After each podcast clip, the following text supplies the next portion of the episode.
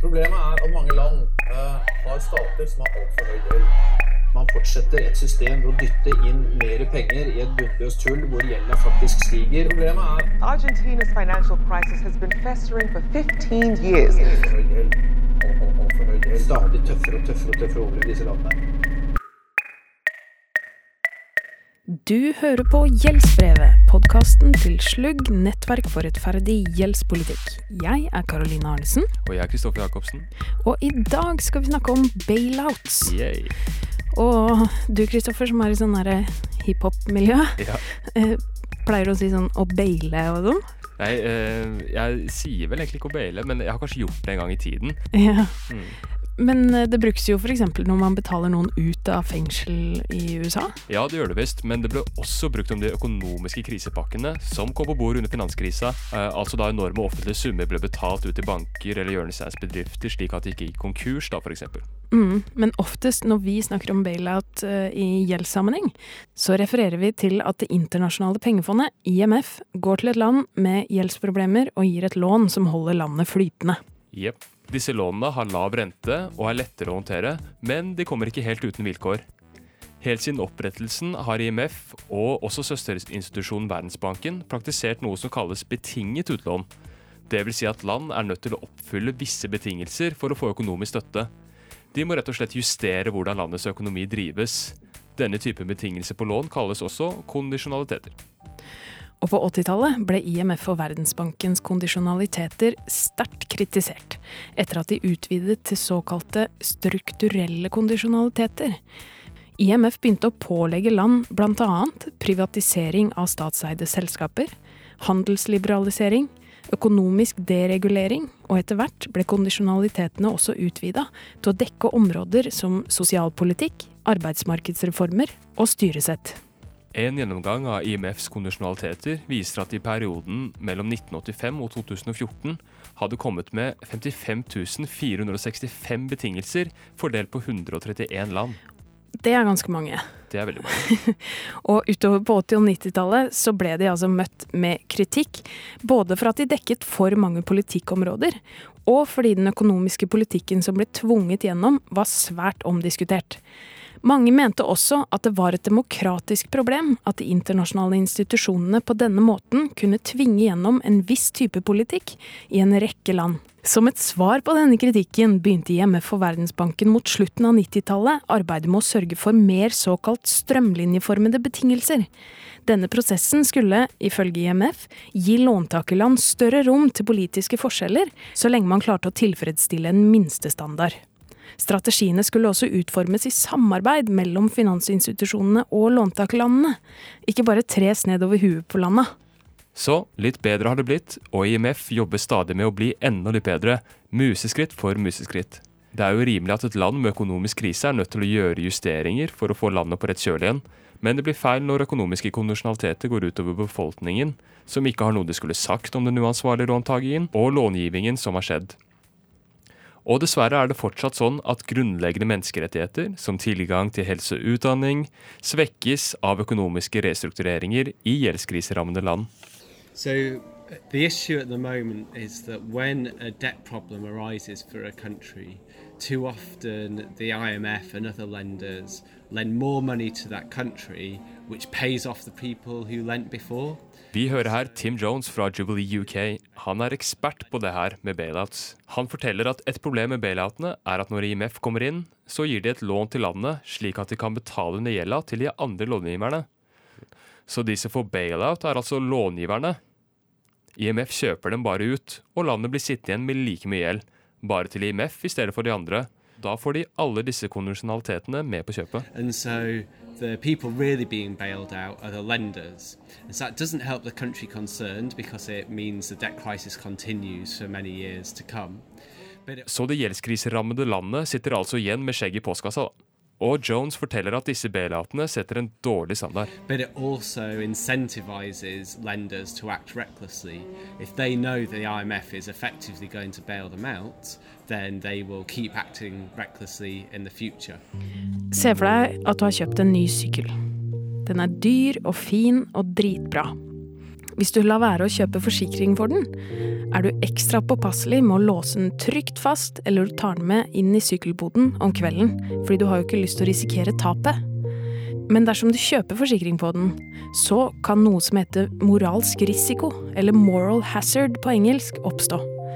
Siden du vet at du får igjen pengene hvis noe skjer, så er du ikke så nøye med å låse den eller passe på den. Yeah, so moral hazard is the economic term for this that you can lend without suffering the consequences if it goes wrong.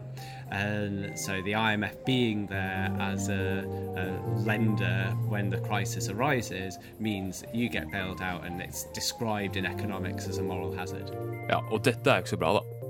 At den beste løsningen vi har når et land havner i gjeldskrise, er at IMF kommer inn og tar over lånene, kjøper långiverne fri, slik at de kan dra et annet sted og gi uansvarlige lån uten risiko. Men hva tenker egentlig IMF selv om det? Jeg tok en prat med Mark Flanagan, assisterende direktør for IMFs strategi, policy og evalueringsavdeling.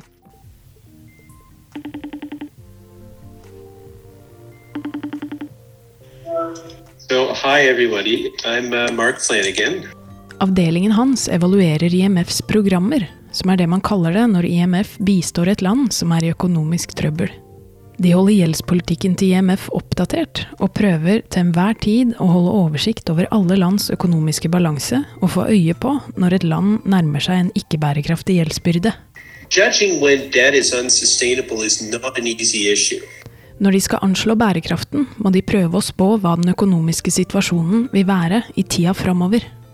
Over a period of, say, 10 years, Hva kommer til å skje med landets økonomi på de ti årene?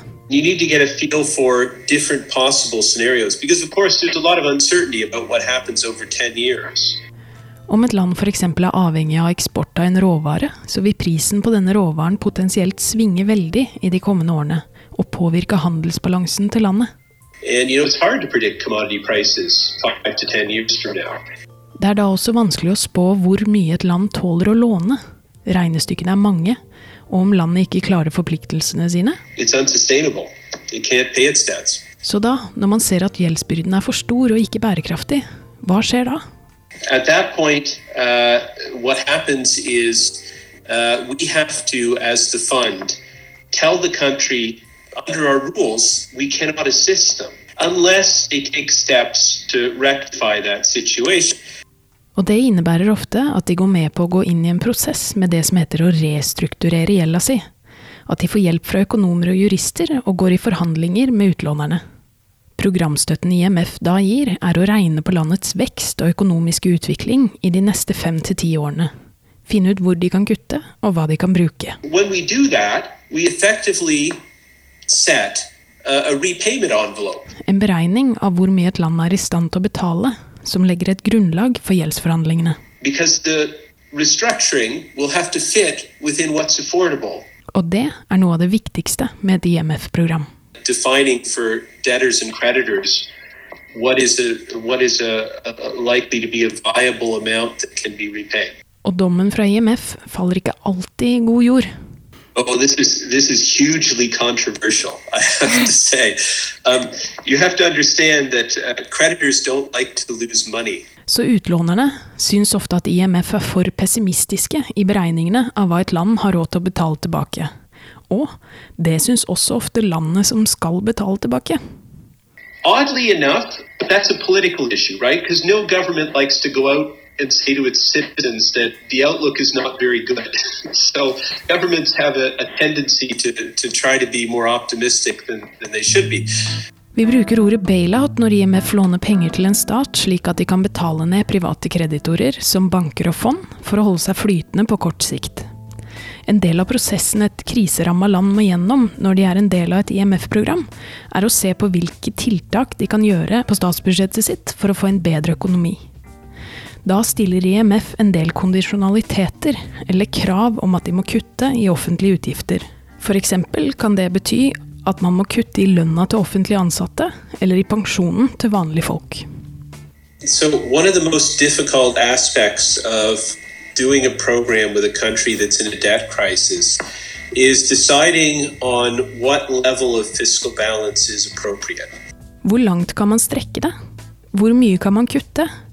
IMF har satt et gulv for hvor mye et land skal bruke på offentlige ytelser, altså et minimum. uh, you know, you can't squeeze blood from a stone. I mean, you know, if, if a country, if if a, you know, if you're gonna, if you're gonna try to set a program that starves the population, it won't work. It just will not work politically, economically, socially. And so creditors are better off recognizing this as well, that they need something that works if they're going to be repaid at all. Uh, so we have to have that difficult conversation sometimes with creditors. For hvis man struper befolkningen i et land helt, så vil det ikke lønne seg i det lange løp. Uh, I think I think the enlightened creditors would recognize that uh, the repayment capacity of a country is ul- ultimately its people and how productive they are. So uh, you know you can't you can't try to squeeze out extra money. In all likelihood, you're going to end up shooting yourself in the foot, and you'll get less because you'll crash the country for a long period of time. Så å unngå totalt krasj og skvising av rettigheter er et mål. Men dette gulvet for offentlige utgifter er fortsatt ganske lavt, og i mange tilfeller går det hardt utover sivilbefolkningen. De fleste kreditorer forstår dette og er greie i forhandlingene, men andre kan holde igjen og stoppe hele prosessen ved å stå på krav om at de ønsker å få tilbakebetalt mer enn det landet har kapasitet til. perfect, right? Uh, no in. Når et selskap har for høy gjeld, så kan det velge å gå konkurs. Og det finnes det gode lover for i de aller fleste land, og det er lett å rydde opp etterpå. En stat kan ikke gå konkurs, den må jo fortsette på et eller annet vis, så forhandlingene må komme i havn. De fleste låneavtaler er inngått under London-lov eller New York-lov, og ikke alle avtaler har gode punkter som sørger for en løsning hvis landet ikke kan betale. Derfor må man forhandle fram en løsning, og alle kreditorene må bli med. But there are some that are that are that are big problems and that create issues for finding that correct trade-off between what can we repay creditors and how do we protect the population. Uh, but yeah, in each case, that has to be balanced. Um, the problem is when you get uh, litigious creditors who come in and and uh, and uh, disrupt the process of finding the right balance. IMF har noen verktøy de kan bruke for å gi kreditorene et plaster på såret og få forhandlingene til å gå bedre. basically something that says, all right, if this economy does better than what we're projecting, we'll get a little bit more. Noen har mest sannsynlig vært uansvarlige i låneprosessen hvis et land havner i krise. Ofte er det begge parter. En stat har lånt mer penger enn den tåler, og en kreditor har lånt ut penger til denne staten på tross av det. Selv om begge parter har vært uansvarlige, så sitter staten fortsatt i saksa etter en bailout, mens kreditorene de må kanskje gå med på å ta et tap, men kommer ut av det med en del penger likevel. Når en sånn bailout-garanti finnes for de private kreditorene, så kan moral hazard oppstå. If you constantly bail out creditors, they will make poor decisions when they lend to countries. What you really want is sustainable financing practices ex ante, right? Ex anti, altså før det skjer. Man ønsker å unngå lån som dytter stater over stupet og inn i en gjeldskrise. Man ønsker ansvarlighet, og bailoutene kan true dette. IMF mener at løsningen ligger i å kreve ansvarlighet før långivingen skjer. What's important to fight it is to have policies that say you have to assess sustainability up front to make sure a country can repay. Ok, så hvordan kan vi oppnå det, da? At man velger å være ansvarlig før krisen oppstår? IMF sine bailouter får i hvert fall ikke det til å skje. Men i FN, der har det skjedd en del den siste våren. Jeg avslutta den hakkete FaceTime-forbindelsen og oppretta en hakkete Skype-forbindelse. I'm Juan Pablo Boslaki. I'm UN independent expert on debt and human rights. I mars i år vedtok Menneskerettighetsrådet i FN et sett med retningslinjer som Juan Pablo hadde jobbet fram i to år. De har et langt og vanskelig FN-aktig navn og heter Guiding Principles on Human Rights Impact Assessment of Economic Reforms. altså Prinsipper som skal veilede når man skal se om økonomiske reformer en stat må gjennom, f.eks. når de skal gjennom et IMF-program, får konsekvenser for menneskerettighetene til befolkningen. The most relevant tool uh, the guiding, that the guiding principles actually offer, that means a human right impact assessment, can support indeed governments, international financial institutions, and also private creditors by providing a clear and specific framework and process for assessing whether certain economic reforms policies are or not consistent with human rights law. Alle FNs medlemsland er forpliktet på menneskerettighetene. Så det Juan Pablo har jobbet fram, er et system som sier noe om hva man skal tenke på, og hva man ikke kan ofre av befolkningens rettigheter når man f.eks. skal gjennomføre økonomiske reformer fordi man har havna i gjeldskrise. Which, by the way, did not create any new obligation or rights. They, they are only systematizing Han forteller at et problem når et land skal gjennomføre økonomiske reformer, er at man ofte har en for kort horisont, og man har en for smal definisjon av hva som er bærekraftig. Det kan bety at man anser en gjeldsbyrde som bærekraftig, selv om den innebærer at staten vil måtte bryte menneskerettighetene til befolkningen for å ha råd til å betale kreditorene. Um, definition of that sustainability should incorporate economic, social, and environmental sustainability, meaning that that sustainability is only achieved when that service does not result in violation of human rights uh, and does not prevent the attainment of international development goals. Alle pliktene en stat har overfor befolkningen sin, må ses nøye på. What we need to know in advance is, for example, how uh, a tax reform or, or the privatization of certain public services will impact, for example, on single mothers, or uh. Og det man finner kan føre til at man både kommer i gang med en restrukturering av gjelda på et tidligere tidspunkt, fordi man tidligere ser at den ikke er bærekraftig, og det vil påvirke vektingen i beregningen av hva et land er i stand til å betale tilbake. Og ikke minst, om det tas med i beregningen før lånet gis og tas opp, så kan man forhindre at et land kommer i krise. Contractual obligations do not occur in a vacuum. So both the relation, relationship between creditors and borrowing states and the relationship between states and the populations fall under the framework defined by international human rights. So this is clear. Det er i hovedsak låntakerne dette ansvaret faller på, men also on public creditors and under certain circumstances also on the private creditors. Prinsippene gir et robust rammeverk for hva både låntaker og långiver kan forvente i en gjeldskrise. Hvordan tapet skal fordeles. So it's not realistic to think of uh, being repaid uh, 100% plus interest uh, and that the, the country, a, a borrower going through a financial crisis, that will be able to do it in a sustainable way. Ideen er at menneskerettighetene skal være i sentrum når man vurderer om gjelda kan tilbakebetales. So in, in order to to evaluate the, the situation uh, in a holistic way, we also need to consider the responsibility of creditors that are pushing and pushing to get fully repaid in the, the credits, no matter the social consequences uh, of this economic policy um, within the country. Om man bruker prinsippene aktivt både før og eventuelt etter en krise har oppstått, så vil vi kanskje unngå moral hazard blant kreditorene. I, I truly believe that this will help to create the right incentives in both borrowers and lenders. De fleste europeiske land stemte imot eller var avholdende da prinsippene ble vedtatt i Menneskerettighetsrådet i mars. Men de ble vedtatt, og det markerer egentlig bare starten for Juan Pablo. En viktig del av jobben hans som FNs uavhengige ekspert på gjeld og menneskerettigheter, er å reise rundt til stater og se hvordan ståa er.